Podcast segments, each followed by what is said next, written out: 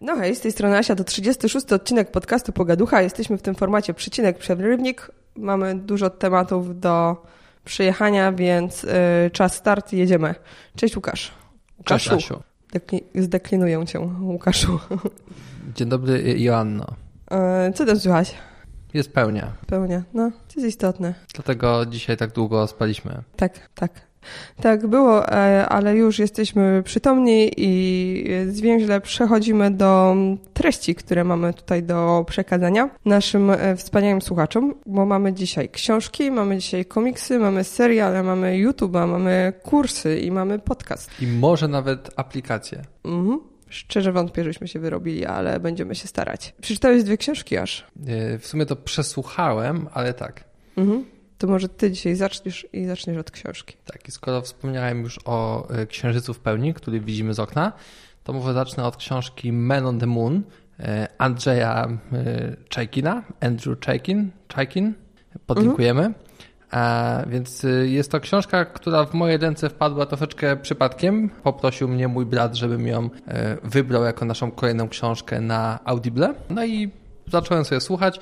Książka ma chyba 18 godzin, w tej wersji, w tej wersji czytanej, czyli jest to jedna ze zdecydowanie najdłuższych, jakich kiedykolwiek słuchałem. I jest to książka, która mówi o tym, jak człowiek chodził po księżycu. Mhm. I najpierw jak człowiek próbował dolecieć do księżyca. I przyznam, że ta książka tak raz na jakiś czas trafiam na materiał, który tak zupełnie, zupełnie e, nie wiem, wybija mnie z rytmu albo może właśnie wgniata w ziemię słuchałem sobie na początku tak zupełnie e, nieśmiało, nieświadomie e, o tym, jak jakąś tam rakietę odpalali, jakieś tam próbowali pokonać Rosjan w tym kosmicznym wyścigu gdzieś tam w latach 60. I nagle doszedłem do chyba misji Apollo 1, która zakładała przelecenie dookoła Księżyca, w sumie nawet wejście na orbitę Księżyca. Teraz tak, jak na początku słuchałem sobie, jak po prostu lecieli w kosmos, przelatywali nad Ziemią, widzieli kontynenty z wysoka i potem sobie lądowali, e, to w momencie, kiedy słuchałem o trzech prawdziwych ludziach, którzy wsiedli do takiego wielkiego stalowego cygara i zostali wystrzeleni na Księżyc, czy tam na, na orbitę Księżyca, e, to no, zacząłem sobie tak myśleć, kurczę, no no tak, no wystrzelili ich i oni tam siedzieli i oni musieli sobie też poradzić jakoś z takimi zwykłymi ludzkimi rzeczami. Chyba to tak bardzo mnie jakoś, nie wiem, no poczułem się, że to było prawdziwe, bo z jednej strony za, zawsze wiedziałem, że gdzieś tam w tych latach 60. latali na Księżyc, nawet po nim chodzili. Ale dopiero kiedy sobie słuchałem o tym, w jaki sposób oni sikali e, w tym statku kosmicznym, w jaki sposób e, jedli, e, jakie były jakieś pierwsze myśli na temat stanu nieważkości, to dopiero tak sobie uświadomiłem, że naprawdę ludzie w tych latach 60. latali w kosmos, lądowali na Księżycu. Ktoś tam gdzieś sobie siedział w takiej małej puszeczce i krążył dookoła Księżyca kilka razy. Kiedy cała reszta ludzi siedziała tutaj. Zrobili zdjęcie, jak y, Ziemia wschodzi nad Księżycem. No, jest to dosyć, dosyć takie niesamowite i no, na co dzień nie myślę o tym, jakie dziwne rzeczy robimy. A, a ta książka spowodowała, że naprawdę wylądowałem w jakimś zupełnie innym miejscu. Mhm. E, więc ja bym chciała, żebyśmy wprowadzili nasz e, nowy system oceniania, ponieważ zawsze mamy problem ze skalą, czy e, do pięciu, czy do dziesięciu i ile na ile, więc ustaliliśmy już jakiś czas temu, że oceniamy rzeczy po prostu na cztery. Więc ja bym chciała powiedzieć, znaczy powiedzieć, dowiedzieć się od ciebie, tą książkę oceniasz cztery na ile? Cztery na pięć. Mm, aż tak tak? I chociaż jeszcze całej jej nie przeczytałem, więc może się jeszcze zepsuć, ale tak, tak tylko szybko dam takiego teasera, bo przed chwilą tak trochę nudziłem na temat tej książki, moich e, uczuć i, i, mojego wnętrza. Mhm. E, tam jest e, scena, scena, no tam, tam jest opisana sytuacja, która zaszła między, no właśnie, nawet nie pamiętam jego imienia, między trzecim człowiekiem, trzecim albo czwartym, który w historii e, stąpał po księżycu. E, I zresztą on sam powiedział, że no to, co już on powie, lądując na tym księżycu, nie jest aż tak istotne, bo tam ten trzeci czy czwarty e, nie jest tak ważny, ten, ten który był pierwszy, był, był ważny. I on sobie rozmawiał z taką włoską dziennikarką, Orianą Falaci, która była absolutnie pewna, że to, co astronauci mówią, kiedy wychodzą z tego statku kosmicznego, zostało im podyktowane przez, przez amerykański rząd. I on, on się z nią kłócił, mówił, nie, nie, wcale nie. I żeby jej to udowodnić, założył się z nią o 500 dolarów. Czyli nie tylko, żeby udowodnić, ale też, żeby dostać 500 dolarów. Powiedział, no to ustalmy teraz, kiedy tutaj sobie siedzimy, co ja powiem, kiedy będę wysiadał ze statku kosmicznego i, i stawiał mój pierwszy krok na Księżycu. No i to, co on powiedział, to było coś no, w takim wolnym tłumaczeniu. Boże, może to był mały krok dla Nila, ale dla mnie całkiem duży, bo on był najniższym z astronautów i chciał sobie tak zaszartować, że e, jakby nawiązują do tych pierwszych słów Nila Armstronga na Księżycu. Mhm. Okej. Okay. E, nie sprawdzałeś, czy to jest tłumaczone na polskie, nie wiesz nic na ten temat? To ja sprawdzę i się Sprawdzimy dowiem. to, sprawdzimy, ale po angielsku jest też świetne i mhm. polecam. Dobra, to jesteśmy na Księżycu, to możemy zostać w tematach e, kosmicznych, bo teraz będzie krótko. Ja sobie też przysłuchałam książkę Modyfikowany węgiel. Brzmi potwornie po polsku, zawsze to dla mnie jakieś jest takie... Altered Carbon. Tak, brzmi dużo lepiej.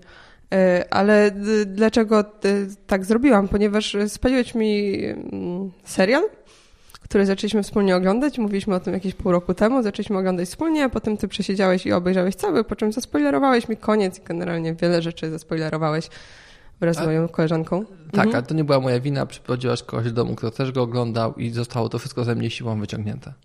Naturalnie. To zawsze jest wina kogoś innego. Wszystko jest winą kogoś innego. To, to, tak to w życiu działa. Więc... Yy, yy, tak. Wystarczy powiedzieć przepraszam. No okej, okay. ale stwierdziłam, że nie będę już tego serialu oglądać, bo to miało się z celem i przesłuchałam sobie książkę. Mm, I mam mieszane uczucia mocno. Książka mi się podoba jako pomysł. Podoba mi się świat, który został stworzony, ponieważ mamy ludzi, którzy dostają nowe powłoki, ponieważ mogą żyć dłużej. E, ludzie, którzy są bogaci, mogą żyć dłużej, bo stać ich na kupowanie nowych ciał. E, za karę jakby do więzienia jesteśmy zamykani w takiej mm, próżni międzyplanetarnej, możemy się też między planetarnymi przemieszczać. Akurat jesteśmy na Ziemi i wiele rzeczy jest tam interesujących. E, opis religii, tego, że niektórym religia zabrania na przykład ponownego upowłakawiania, e, to jest interesujące, bo w momencie, kiedy zginiemy, możemy się po prostu znowu upowłokowić. Trochę mi się nie podoba przekaz tej książki, bo idziemy w takim kierunku bogaci ludzie są źli, bo są bogaci trochę ja tak odczytuję, nie wiem na ile tak w serialu to zostało przedstawione. Raczej bardzo podobnie. Mhm. Czyli, że jeżeli żyjesz wystarczająco długo, to zaczynasz wszystkich i wszystko traktować jako swoją taką małą grę mhm. i nie szanujesz niczego i nikogo. Mhm. A mi się wydaje, że to jest dosyć krzywdzący motyw, który się pojawia w wielu książkach science fiction. Myślę, że ludzie od science fiction lubią taki koncept. No, chyba tutaj jest coś krzywdząca dla ludzi od science fiction. Myślę, że to jest w ogóle dosyć popularny koncept. Hmm? Tak, myślę, znaczy trochę się mogę z tą zgodzić, ale nie wiem, no jakoś do, do, mnie to nie trafia i wydaje mi się to takie dziwne. Też w pewnych fragmentach takiej książki wydaje mi się, że w serialu one nie mogły być pokazane tak, jak zostały opisane w książce, ponieważ tam było dużo przemocy seksualnej i ona była taka, takie pełne zwierzęcenie, ale w wydaje mi się, że fragmentami to brzmiało po prostu jak takie porno dla, nie wiem, zaproszczonych nastolatków. Trochę tak mi się wydawało. Więc jakby ja tak, mogę, mogę być bardzo krzywdząca dla pisarzy science fiction. Chociaż też trochę jest tak, że pisarze science fiction, oni chyba w większym stopniu niż, niż inni bywają niedocenieni albo jakoś tak pogardzani, niekoniecznie e, są jakoś szczególnie Mm, no, bogaci w trakcie większości trwania ich kariery. Mhm. Ale to nawiązuje w jakiś sposób do tego, że wydaje się, że autorowi bardzo się podoba opisywanie scen w burdelach? Nie, nie. Tutaj chodziło mi bardziej o, że musi o tą kwestię y, gardzenia, gardzenia bogatymi ludźmi. Mhm. Ale tak.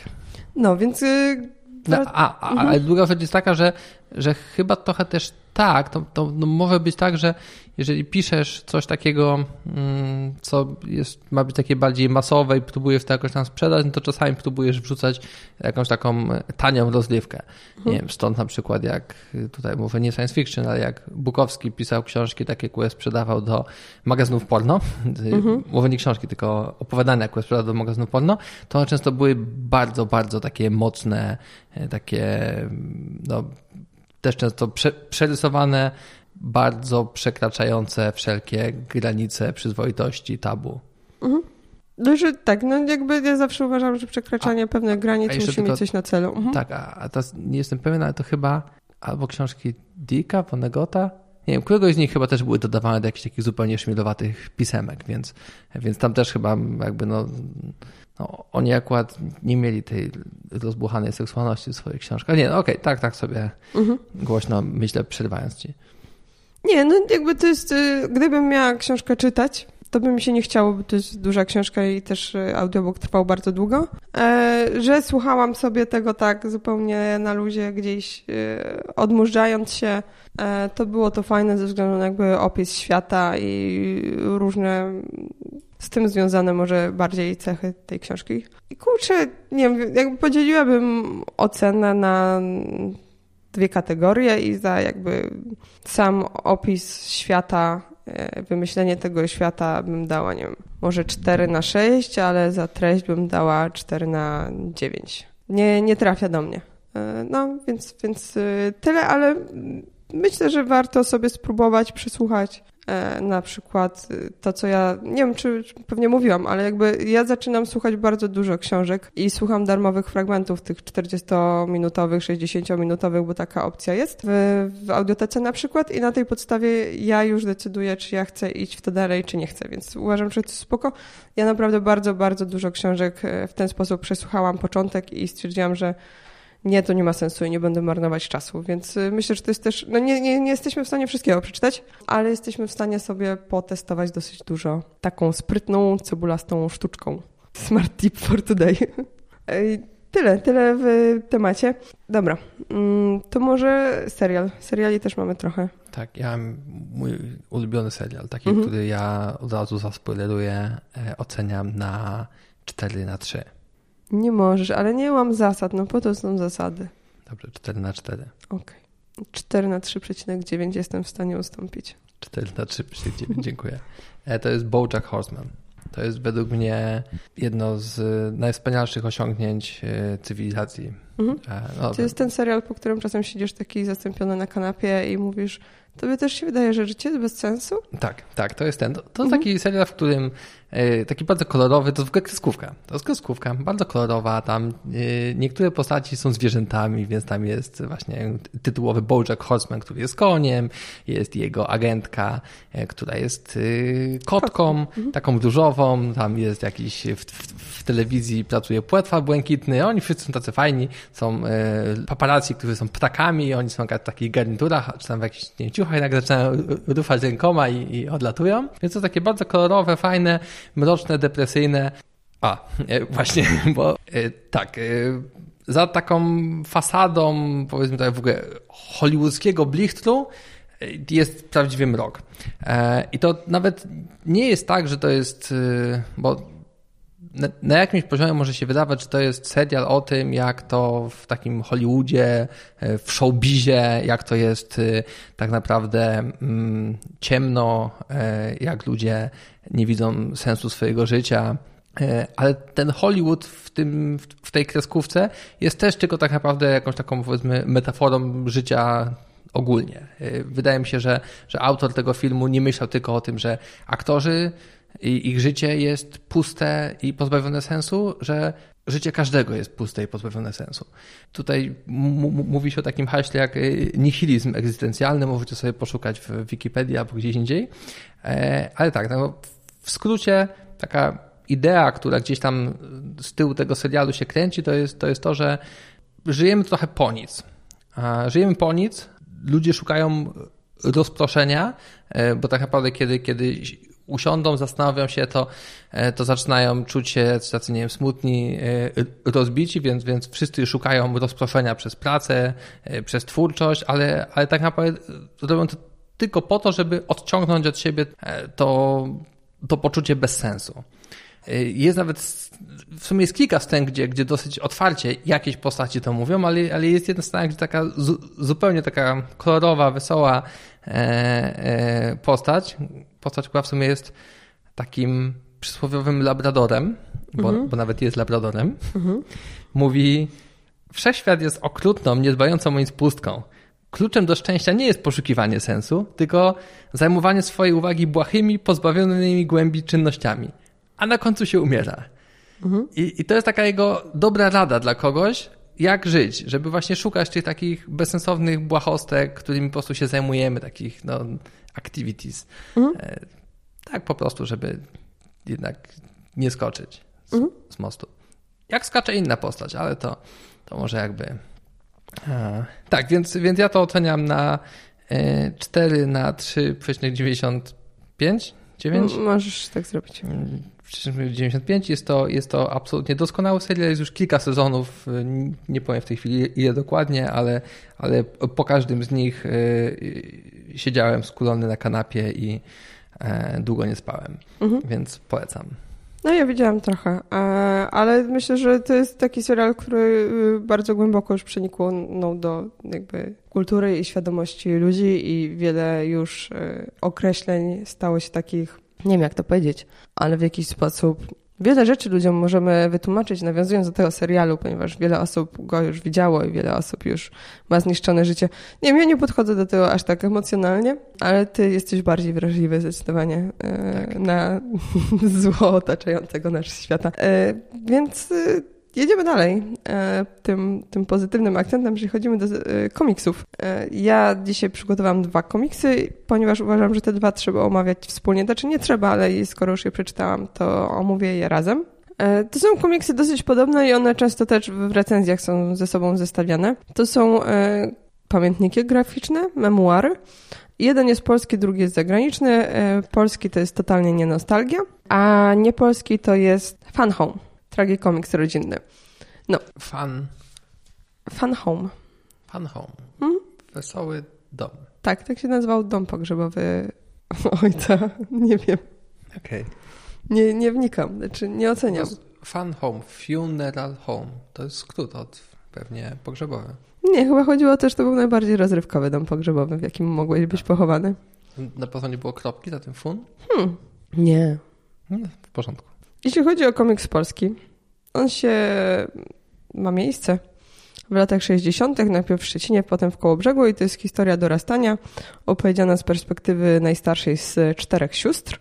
Komiks jest bardzo ładny i jest narysowany przez Jacka Frąsia.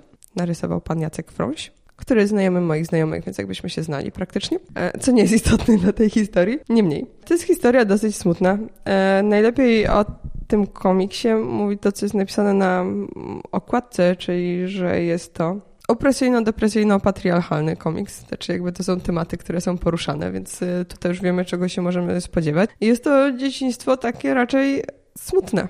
W domu, w którym było dużo przemocy, w której właśnie ojciec był bardzo patriarchalny. Ta rodzina była też specyficzna, ponieważ e, to był mezalians, y, matka z dobrego domu, która związała się z ojcem z klasy robotniczej, wiejskiej. W takim domu autorka mm, dorastała i jest tam opisane wiele rzeczy, z którymi ludzie w tamtych czasach, szczególnie kobiety, mogły się spotykać. Czyli to był, tak jak mówię, dom przemocowy, gdzie ojciec się nad nimi znęcał. Tam jest też y, gdzieś y, i molestowanie, i różne tego typu mm, tematy są poruszane, natomiast nie jest to jakoś bardzo tłoczno poupychane w treści. Znaczy chodzi mi o to, że to są różną postacią zdarzały się różne rzeczy, ponieważ czasami się zdarza tak, że ktoś napisze książkę, y, w której naładuje wszystko, co jest gdzieś tam kontrowersyjne, poprzyczepia to do mm, bohaterów, żeby po prostu się zmieściło. E, no to jest historia prawdziwa, no ale i w jakiś sposób wydaje mi się, że to wszystko rozłożone po, po bohaterach, tak że każdy obrywa po trochu. Nie, nie wiem, czy, czy jasno się wyrażam, natomiast czytałam internet. Czytałam internet i napisałam, przeczytałam taki komentarz. To nie jest istotne, czy to jest historia prawdziwa, czy nie, ale to jest mizogonia, seksizm, pedofilia, feminizm, czyli wszystko, co próbują nam tam wepchnąć wojujące feministki. To był taki zarzut, że jakby to wszystko pojawia się w tej książce pojawia się, bo tak wyglądało życie bohaterki, więc takie rzeczy się w tej książce pojawiły. Ale faktycznie e, jakby porównując ten komiks z drugim komiksem, o którym mówię, czyli Fan Home, tutaj mamy tą historię tak przedstawioną bez e, jakiegoś tam przedstawiania racji drugiej strony, czy bez jakiegoś takiego empatyzowania, no bo z drugiej strony, dlaczego mamy empatyzować z oprawcą? Tak no jakby to by było gdzieś bez sensu. I właśnie podstawowym błędem jest e, patrzenie z, z tej drugiej strony i staranie się gdzieś usprawiedliwiać. Ale znowu Przechodząc do drugiego komiksu, który też jest taki komiksem e, rodzinnym przez Alison Bechdel, nie wiem czy tak to się czyta, e, stworzonym. Tam mamy też historię kobiety, historię relacji tej kobiety z jej ojcem. I to jest historia o tyle trudna, że tutaj mamy jeszcze wątek e, tego, że autorka jest lesbijką i odkrywa mm, to w ramach dorastania, gdzieś do, do tego dociera i kiedy stara się z tym zmierzyć, dowiaduje się, że jej ojciec y, no też jest gejem. Opresyjny ojciec. Nie, nie, nie, nie. Bo mówimy już teraz o fan home. Dobrze, dobrze. Więc okazuje się, że tutaj ojciec też miał wielokrotnie romansy z młodymi mężczyznami. No i to, z czym autorka stara się mierzyć, to po pierwsze swoja seksual jej seksualność, a po drugie właśnie dom, w którym ten ojciec też nie był najlepszym ojcem. Był ojcem bardzo skupionym na pielęgnacji swojego pięknego domu i swojego wizerunku i do dzieci miał takie podejście bardzo mm, przedmiotowe, użytkowe. Dzieci mogły przekopać ogródek i podtrzymać e, obrazek, kiedy on go wieszał na ścianie, ale jej brakowało jakichś takich głębokich relacji z ojcem. No i kiedy właśnie nad tym pracuje, to się okazuje, że, że tutaj więcej rzeczy jest pochowanych, ale tutaj w tym komiksie już widzimy taką różnicę między pierwszą częścią, gdzie ten ojciec jest e, mocno krytykowany i autorka gdzieś e, z tym dyskutuje, do tego jak bardzo potem jest jej ciężko i jednak szuka gdzieś jakiegoś zrozumienia dla tego ojca w jakiś sposób. Przy czym ten ojciec no, też nie był takim przemocowym ojcem jak w tym pierwszym komiksie, więc ciężko ich porównywać. Ale jakby przy tym drugim komiksie można sobie już pomyśleć w ten sposób, że można by było tą narrację stworzyć odwrotnie, można by było narysować komiks tragikomiczny o tym ojcu i wtedy moglibyśmy empatyzować z ojcem. Dałoby się to zrobić, nie? Więc, więc w tym pierwszym komiksie tego nie ma. Na pewno obydwa komiksy warto zobaczyć. Może zacząć od jednego, wybrać sobie jeden, zobaczyć, czy taka forma w ogóle nam odpowiada. Ja oceniłabym Fan Home 4 na 5. Hmm. To, to jest w ogóle taki kanon bardzo znany komiks, sławny komiks, jeśli ja chodzi tak o, o te... Zapytam tak mhm. banalnie, a te obrazki, coś jesteś w stanie powiedzieć o, nie wiem, stylu tego rysunku w jednym i w drugim mhm. i na ile to, że to jest komiks, to dobrze, czy to mogła być książka? Nie, wydaje mi się, że jakby obydwie historie są opowiedziane świetnie, przy czym Fan Home jest stworzony przez jedną osobę, która zajmuje się komiksami i po prostu e, narysowała sobie swój komiks. Czyli wszystko, tak? E, tak, autobiograficzny. I tutaj też e, ważna rzecz, którą powinnam powiedzieć, że ta książka jest pełna nawiązań do angielskiej literatury, ponieważ jej ojciec był nauczycielem angielskiego. Ona wychowała się w domu, w którym była biblioteka było dużo książek i ona też dużo książek czytała i potem też studiowała. Te nawiązania do literatury są naturalnie wplecione w tekst, ponieważ ona często też się komunikowała w jakiś sposób z tym ojcem literaturą. Ja nie mam wystarczającej wiedzy z literatury angielskiej, żeby wszystkie nawiązania odczytać. Mogłabym udawać, że tak, ale nie, tak nie jest. Czasem musiałam sobie coś pogooglować, żeby sprawdzić, e, ale to nie jest tak, że jakby ona się przechwala tutaj tymi nawiązaniami, czy one są tam na, upychane na siłę, tylko jakby to wynika z kontekstu tej historii. Narysowane jest to fajnie, mi się podobało i zrobione jest to dobrze. W przypadku totalnie nie nostalgii, ten komiks jest e, często mm, bardziej chwalony za rysunki niż za samą treść co uważam, że jest niesprawiedliwe. Natomiast y, jeśli przyjrzymy sobie internet, to ludzie są zachwyceni sposobem przedstawienia tej historii ilustracjami. Więc on, obydwa są bardzo dobrze y, zrobione. Przy czym polski został stworzony w ten sposób, że y, został wymyślony jako scenariusz, koncept, a potem został narysowany przez właśnie kogoś innego. Więc to są dwie techniki tworzenia dzieła, jakim jest pamiętnik graficzny. To tyle. Dużo pytacie o komiksy, dlatego opowiadam i jakby ale też nie chcę tutaj narzucać mojego sposobu myślenia, bo myślę, że warto to sobie przeczytać z taką otwartą głową. Dobra, przyjechaliśmy komiksy. To może teraz y, ty mówiłeś o serialu już, to możesz nam powiedzieć o drugiej książce. Ja myślę, że y, najpierw opowiem o YouTubie. Dobra. Bo książkę, może z nią dzisiaj nie zdążę i opowiem wtedy o niej jakoś dokładniej następnym razem.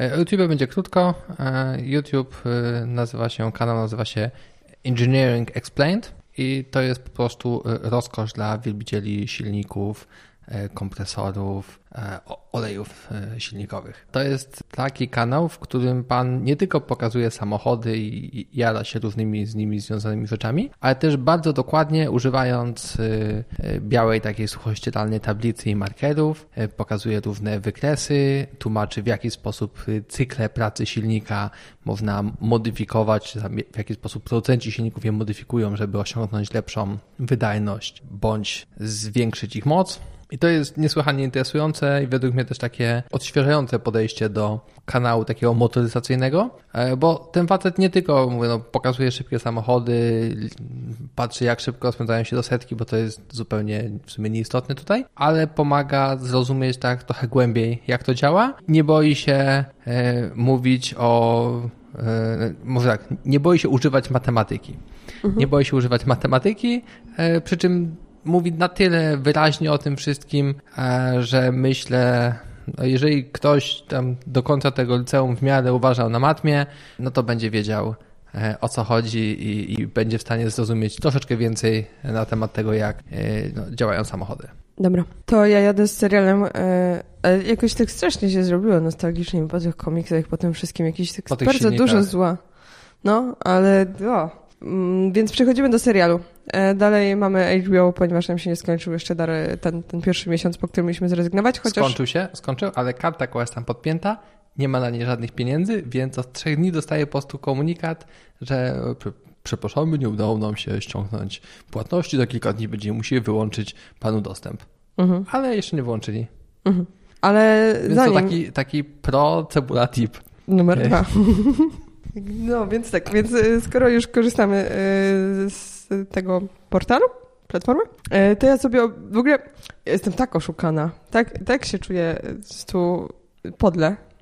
No, nie, nie bójmy się użyć tego słowa podle, ponieważ przeglądałam sobie jakieś artykuły w internecie na temat seriali i trafiłam na artykuł pod tytułem seriale, które tam się nie skończyły, a powinny się skończyć i seriale, które się skończyły, bo powinny się skończyć. No i najwięcej mm, omawiane tam były seriale, których, nie wiem, pierwsze trzy sezony były fajne, a potem jesteśmy w 14, już nie wiadomo o co chodzi. I jako kontrę do tego był podany mm, serial, który zakończył się po pierwszym sezonie, tak był zaprojektowany i chwała mu za to, ponieważ to jest bardzo dobry jednosezonowy serial. Myślałam sobie, wow, jednosezonowy serial, pójdę i obczaję. I to jest Big Little Lies, czyli małe, wielkie kłamstewstwo kłamstewka Wielkie, po polsku?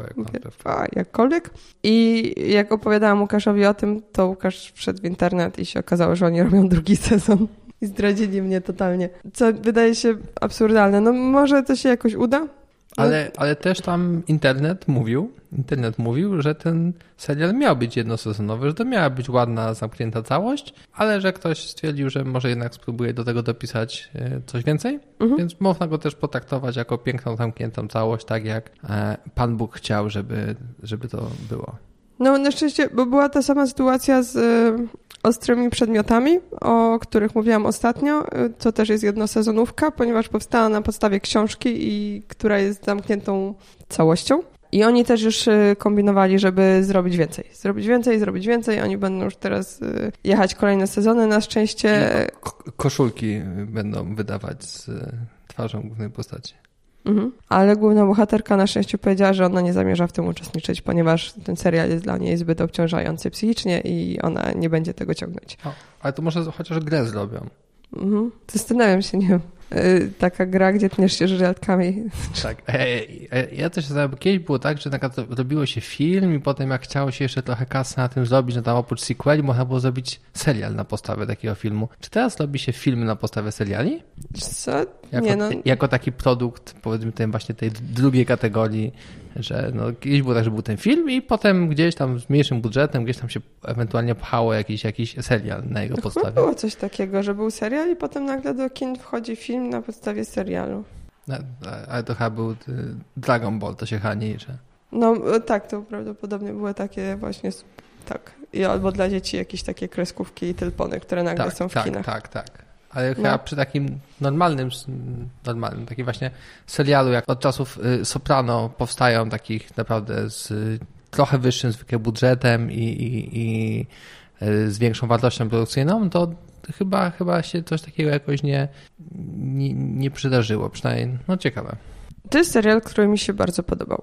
Tak, ekstremalnie mi się podobał i spędziłam dwa wieczory po prostu maratonując e, ten serial. I potem pomyślałam sobie, o mój Boże, to jest tak fantastyczny serial, że na pewno mój mąż chciałby go zobaczyć, więc obejrzyjmy go sobie wspólnie. E, I tak mieliśmy zrobić, ponieważ moim zdaniem tam są genialnie przedstawione relacje między ludźmi, tam są fajne ujęcia, tam są interesujące dialogi. Czy mecze bokserskie też przedstawiają według Ciebie relacje między ludźmi? Tak. Na jakimś poziomie się zgodzę, tak. E, jest to pewna relacja, ale okej, okay, dobrze. Mhm. I w moim odczuciu jest to fantastyczna produkcja przedstawiająca przyjaźń między kobietami, kobiecą siłę i moc i że raz na jakiś czas dobrze jest kogoś zabić. Więc jakby ma bardzo pozytywne przesłanie. I niektórzy nie potrafią po prostu tego przesłania odczytać, ponieważ nawet się nie starają, bo mówią, że to jest passive aggressive, że to jest dużo przemocy. Nie, nie, nie, nie, nie mówiłem nic passive aggressive, mówiłem, że jest to po prostu e, aggressive aggressive. Mhm. E, przemoc domowa. Znaczy, mi jest ciężko to skomentować. Dobrze, więc ja po prostu wam opowiem. To jest, yy, znaczy bez spoilerów, o ile się da. To jest serial, w którym w pierwszej scenie nie widzimy morderstwa, ale wiemy, że morderstwo ma miejsce. Wiemy, że ktoś został zabity i nie wiemy ani kto został zabity, ani kto zabił, więc jakby mamy dwie niewiadome. Potem poznajemy cztery kobiety, które są głównymi bohaterkami tego serialu i poznajemy, widzimy też takie sceny z przesłuchań mieszkańców e, miejscowości, w której wszystko ma miejsce, którzy mówią raczej źle na temat naszych bohaterek. No i nasze bohaterki mają różne przywary, ale mają również e, różne zalety i widzimy relacje między bohaterkami, ich partnerami, ich dziećmi. Odkrywamy powoli różne tajemnice właśnie każdej z tych rodzin, ponieważ każdy stara się, jak to w takiej małej miejscowości wyglądać na szczęśliwą, idealną rodzinę, a żadna rodzina szczęśliwa, idealna nie jest. Poza naszą, czy moją. Nie wiem jak wasze. no. Więc yy, tak to wygląda. Oglądać to szalenie przyjemnie. I myślę, że to jest film bardzo mm, pozytywny. Dla mnie też, y, jak już mówisz o tej przemocy domowej, to w fajny sposób jest to pokazane o tyle, że osoba, która tą przemoc y, domową stosuje, jest bardzo urocza w pewnych momentach i usprawiedliwiona przez e, partnera. I też widzimy tutaj, mm, może nie, nie każdy, ale jak łatwo się taką osobą zauroczyć i bardzo długo, wydaje mi się, że dla części widzów e, to może być postać dalej interesująca i pociągająca w pewien sposób, więc e, myślę, że to też jest interesujące. Taka trochę zagubiona, ale szukająca. No tak, tak, szuka się, trochę bardziej. Tak, szuka się drugiego zawodnika gdzieś tam w narożniku. Nie, no. Czasami ten pot już płynie do oczu i tak tylko machając rękoma szukamy tej drugiej osoby. No to jest 8 odcinków, chyba, czy 9, czy niewiele odcinków. Dosyć krótkich odcinków, zamknięta Ale całość. Czekamy już na drugi sezon. Piękne zakończenie. Wszyscy biegają po plaży, się przytulają, więc jakby więc zupełnie się nie zgadzam z tym, że to jest ciężki serial. Bojack Horseman na pewno jest cięższym serialem, jeśli chodzi o ładunek emocjonalny. Nie, podejrzewam, że tak. Jakby jestem pewien, że tak. E, tylko ja jednak nie jestem aż takim dużym fanem e, właśnie scen przemocy domowej. 4 na 5. 4,5 na 5. Nie, nie mogę tak zrobić. Muszę zrobić 4 na 4,5. E, jedziemy dalej. E, jedziemy. Aha, w ogóle e, sprawa jest. Sprawa jest taka, że kombinuję sobie od jakiegoś czasu, skąd brać pieniądze na nagrywanie podcastu. No i jeszcze nie wymyśliłam do końca, ale mam kilka pomysłów i jednym z podstawowych pomysłów, które są realizowane za granicą, jest reklamowanie rzeczy. Więc ja sobie pomyślałam, że o mój Boże, ale słuchacze byliby w szoku, gdybym na przykład teraz coś nagle tu zareklamowała, ni stąd, ni zawąd, więc zrobimy taki proces oswajania i zobaczcie, prze, przejdziemy przez to wspólnie, razem, e, wspólnymi sinałami, tak? Więc, więc nie denerwujcie się jeszcze. Przez pierwsze kilka odcinków ja będę reklamować nieistniejące produkty nieistniejących firm, więc w tym odcinku chciałam Wam polecić firmę z Podbydgoszczy, która zajmuje się e, hodowlą kucyków jednorożców. Ta firma nazywa się Kucyki Jednorożce z Podbydgoszczy i no, musicie wiedzieć, że na chwilę obecną ani koty, ani psy, ani jakieś tam inne króliki, chomiki, one już po prostu nie są modne. Szynszyle nawet. Szynszyle. I kompromitujecie swoje dziecko, dając mu taki prezent, takie zwierzę, takiego przyjaciela. Jedyną słuszną opcją, którą i zazdrościć wam będą i sąsiedzi, i to wszyscy, totalnie wszyscy, jakby o to chodzi, żeby ludzie wam zazdrościli, są kucyki jednorożce z hodowli pod Bydgoszczą. Kupcie. Dibi, dibi. Kupcie. No, więc tak to wygląda. To jest nieistniejąca reklama nieistniejącego produktu za nieistniejące pieniądze. Popracujemy nad tym, potem będę próbować istniejące produkty, za które nikt mi nie płaci, a potem pomyślimy. Albo wygram w totolotka i dam sobie spokój, nie? Okej, okay. wróćmy, wróćmy, wróćmy na ziemię. Mm, co się dzieje? Walkie-talkie. Walkie-talkie. To jest chyba y, pierwsza tutaj w historii podcastu recenzja aplikacji na Apple Watcha i tą aplikacją jest Walkie Talkie. I teraz, y, jeżeli chcecie kompromitować y, w jakiś kompromitujący sposób mhm. swojego partnera, albo jakiegoś znajomego, to możecie używać tej aplikacji do wykrzykiwania różnych obscenicznych słów, kiedy on jest y, w jakiejś odległości od was, czyli na przykład on idzie na zakupy, a wy wtedy wciskacie guziczek tego walkie-talkie i krzyczycie z jego zegarka coś. Do takich zastosowań ja bym dał temu zdecydowanie 4 na 4 mhm. Do innych 4 na 100 4 na 100 albo 4 na 1000. Jakby ta aplikacja jest zupełnie bezsensowna. Mhm. Y, chyba wiem już dlaczego nie została wrzucona do pierwszego Apple Watcha, jaki e, został wprowadzony na rynek i dopiero teraz chyba czwartej generacji się, się pojawiła. Zupełnie bez sensu. Mhm. Znaczy, może to się jakoś rozwinie, bo generalnie chodzi o to, że była konferencja Apple, a oni tam powiedzieli, że wprowadzają nowe zegarki i że świat będzie teraz piękny i że w ramach e, tych nowości właśnie będzie można używać zegarka jak walkie-talkie, tylko że tego nie opanowaliśmy, jak to wyłączyć. Znaczy... Jakby on, on działa natychmiastowo. To jest tak, że ja wciskam u siebie palcem guzik, taki wirtualny guzik na ekranie i mówię i w, może z półsekundowym opóźnieniem mój głos wydobywa się z zegarka Asi. Mhm.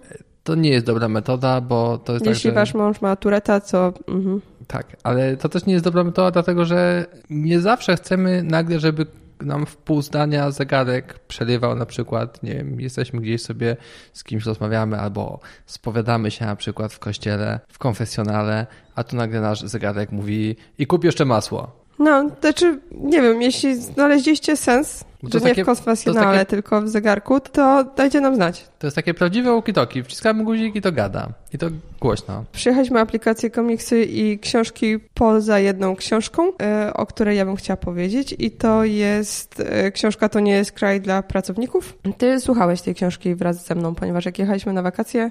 Jakiejś części, tam powiedzmy Część od, słuchaliśmy. Wiem, od 30 do 80%? Nie, dość dużo.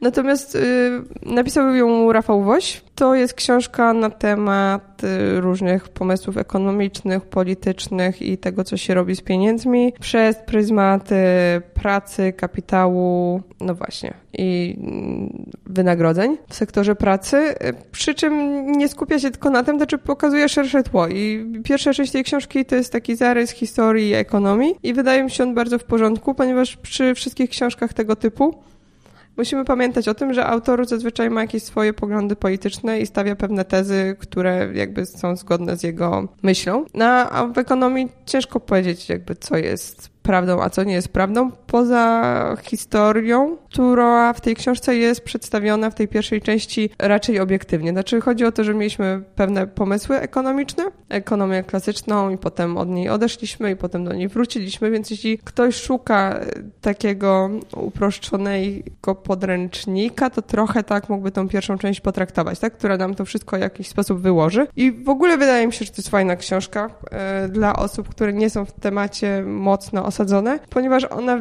wiele rzeczy systematyzuje i układa, przy czym trzeba mieć ten filtr narzucony taki, że autor cały czas ma swoje poglądy, więc to nie jest e, taki podręcznik e, obiektywny. Ale e, tam jest dużo interesujących myśli zawartych. Dla mnie wiele mm, spostrzeżeń było interesujących i też wiele takich tez, które są niepopularne na temat bogacenia się, awansów społecznych i to mamy też odniesienia do badań naukowych, e, do artykułów, na podstawie których e, pewne fragmenty książki zostały napisane, więc możemy to sobie dalej zweryfikować, jeśli nas to zainteresuje. No chociażby taki klasyczny pomysł na awansy społeczne e, i na to, jak to możemy, wszystko zależy od naszej pracy, jeśli będziemy ciężko pracować, to będziemy więcej dostawać.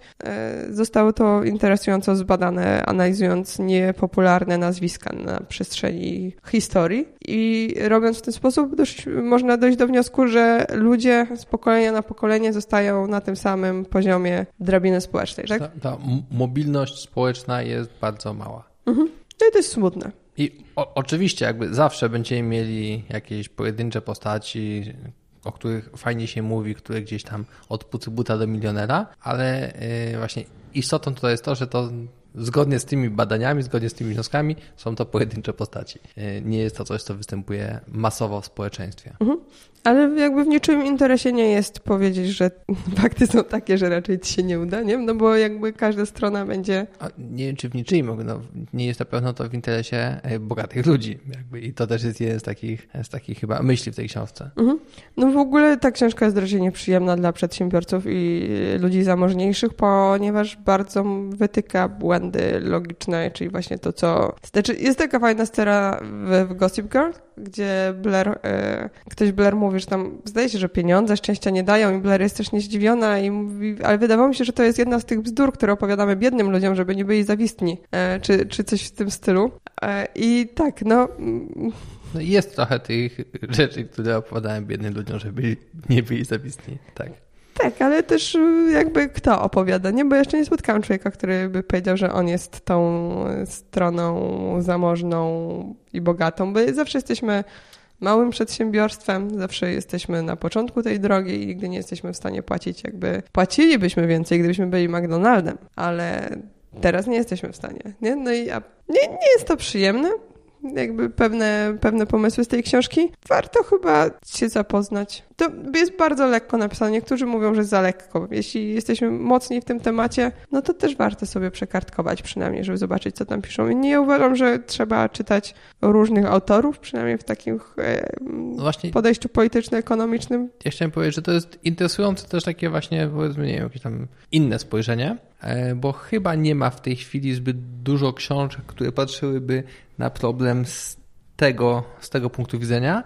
E, na pewno e, kapitał XX wieku, wieku. Pierwszego wieku Piketty'ego, czy mhm. tak, XXI wieku Piketty'ego jest, jest jakby no, jest w tej samej narracji, ale, ale oprócz tej książki to raczej, raczej nie spotkałem się z, zbyt wieloma dziełami, które, które, no, które z wieloma dziełami, które dzieliłyby ten punkt widzenia. Mhm. Z tym, że. Yy, a, no tam też jest interesujące gdybanie na temat przyszłości, na temat robotyzacji, na temat yy, dochodu gwarantowanego, tak, podstawowego, yy, więc myślę, że to jest interesujące. Podobna książka bardzo w, w, pewnym stopniu to jest Świt robotów, Zmierzch robotów?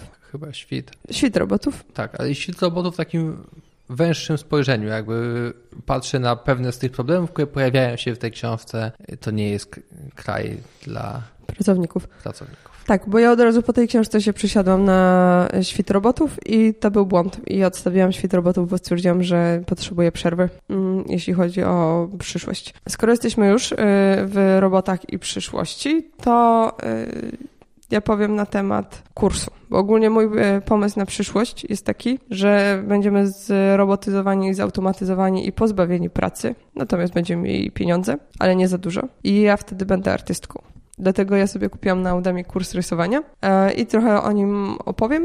Znaczy, pomysł jest taki, że to jest e, kurs rysowania, dlatego że ołówki są tanie, bo ja nie wiem, jaki będzie ten gwarantowany dochód, więc na ołówki będzie mnie stać i będę miała bardzo dużo czasu i wtedy będę tworzyć i będę rysować. I teraz już cię zabrałam za szkolenie, yy, uczenie. Ja, ja mam tylko pytanie. Mhm. Czy na koniec tego kursu śmiałaś się z tego oka, które narysowałaś na początku?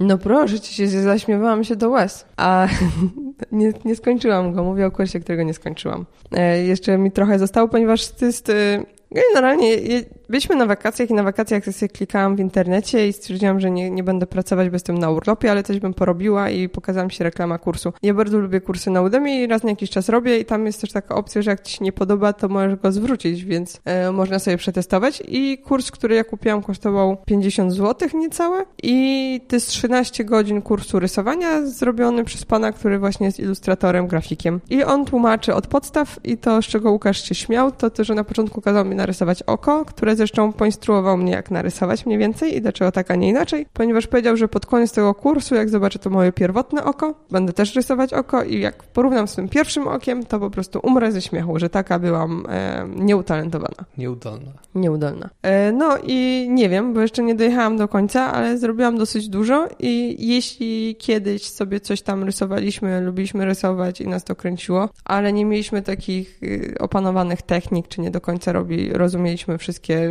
rzeczy związane ze światłocieniem, podziałem, e, czy nie budową twarzy, to, ty, to jest tak, trochę tak jak w tych takich książkach, gdzie mówią wam, jak narysować konia, czyli narysuj jednorożca i masz róg i masz konia, ale y, pomalutku. I widzimy, jak on to rysuje, widzimy, jak on to zmazuje, więc bardziej wierzymy w to, że jest to możliwe, żeby to narysować tak jak on. Bo w takich książkach często jest narysowane kółko, kółko, dwie kreski, połącz to, a potem wycieniuj i jakby wychodzi arcydzieło. A tutaj widzimy, jak on to cieniuje i dlaczego to mm, powstaje coś ładnego, więc y, to jest fajne i myślę, że w ogóle fajnie sobie zerknąć na Udemy, że tam są też takie kursy, które mogą nam sprawić jakąś y, radość, bo ja zazwyczaj tam robiłam kursy, które były mi potrzebne do pracy, nie wiem, z montowania czegoś, czy z obróbki zdjęć, czy tego typu, a ten sobie kupiłam tak totalnie dla zabawy i to była cała masa zabawy. Polecam.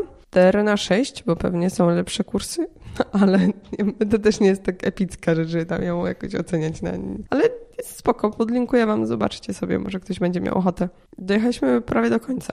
To mamy jeszcze podcast. Mm, ja tym razem chciałam polecić Wladimira, więc dalej jesteśmy w robotach i w przyszłości. Ale to y, biznes, myśli, to ja, ja też chciałbym powiedzieć. Mhm. To jest chyba mój ulubiony e, podcast. Mhm. Tak, w ogóle ja trafiłam na Władimira kiedyś, ja to pamiętam jak dziś, a było to dawno, ponieważ Władimir był gościem jakiegoś innego podcastu i mówił na temat jakichś płytek, krzemu, coś z komputerami, to miał związek, nie pamiętam, ale ja wracałam wtedy z y, bardzo długiej trasy i już byłam tak totalnie zmęczona i myślałam sobie, o mój Boże, nie dojadę i wtedy usłyszałam głos Władimira, który jest tak hipnotyzujący i on opowiadał o tych procesorach i o tych płytkach. I mnie tak teleportowało to do domu po prostu w takim stanie totalnego zanurzenia w tym, co on mówi. On ma taki sposób mówienia, znaczy, trochę jakby był zmęczony tym, że musi coś tłumaczyć, bo musicie wiedzieć, że Władimir jest bardzo bystrym człowiekiem i czasami tłumaczy skomplikowane rzeczy takim, z takim westchnięciem, że no,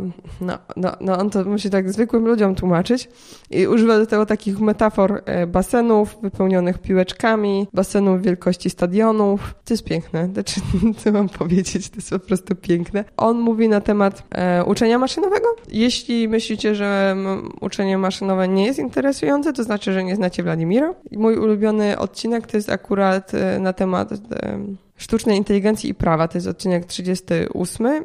Tam występowała pani Martyna Gabska i ona jest prawnikiem. I oni sobie rozmawiali na temat właśnie e, robotów i prawa, praw robotów, ale też samochodów bez kierowców, bo to jest element właśnie sztucznej inteligencji, tego jakie, jak prawo reguluje te nowe rozwiązania, ale na temat też klonowania robotów, ich praw, ich wiz i ich meldunków, kiedy jakie prawa będzie można nadać maszynom. E, więc Myślę, że to jest szalenie interesujące, bo to gdzieś zaczyna się dziać i to po prostu no, zaczyna się gdzieś dziać. No, wszędzie się dzieją samochody i po prostu prawo nie, nie wyrabia z wprowadzaniem nowych przepisów. Musicie zobaczyć, bo to jest y, styl nie do podrobienia, jeśli chodzi o prowadzenie podcastu i to jest naprawdę bardzo bystry człowiek, który tą wiedzę przekazuje w taki sposób, że e, człowiek chce więcej, nie? I też tam jest dużo takich praktycznych rzeczy. Ja mhm. na przykład w tej chwili przygotowuję sobie właśnie analizę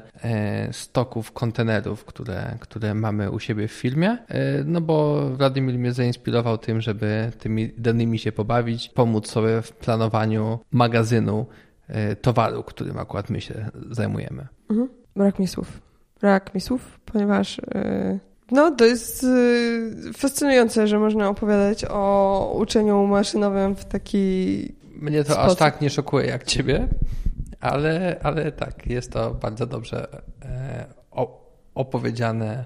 Nie, no to jest jakby specyficzny sposób narracji do tego dołożony. Nie wymyśliłabym tego lepiej. To by było na tyle w tym odcinku. Słyszymy się znowu w przecinku za dwa tygodnie, prawdopodobnie z gościem znowu specjalnym, z takim ekstra gościem. E, I za tydzień słyszymy się z gościem, który będzie opowiadał o tym, kim zostanie, jak dorośnie. Do usłyszenia. Do usłyszenia. A, pamiętajcie, żeby mi dać ocenę w iTunes, bo mi tam ratingi spadają, nie? Jak nie oceniacie. Wbijajcie. Znaczy, w sensie, mm, jeśli ocenicie mój odcinek, pozwoli mi to trafić do większej ilości osób i ta większa ilość osób będzie mogła brać wartość z mojego gadania o książkach. Świat stanie się lepszy.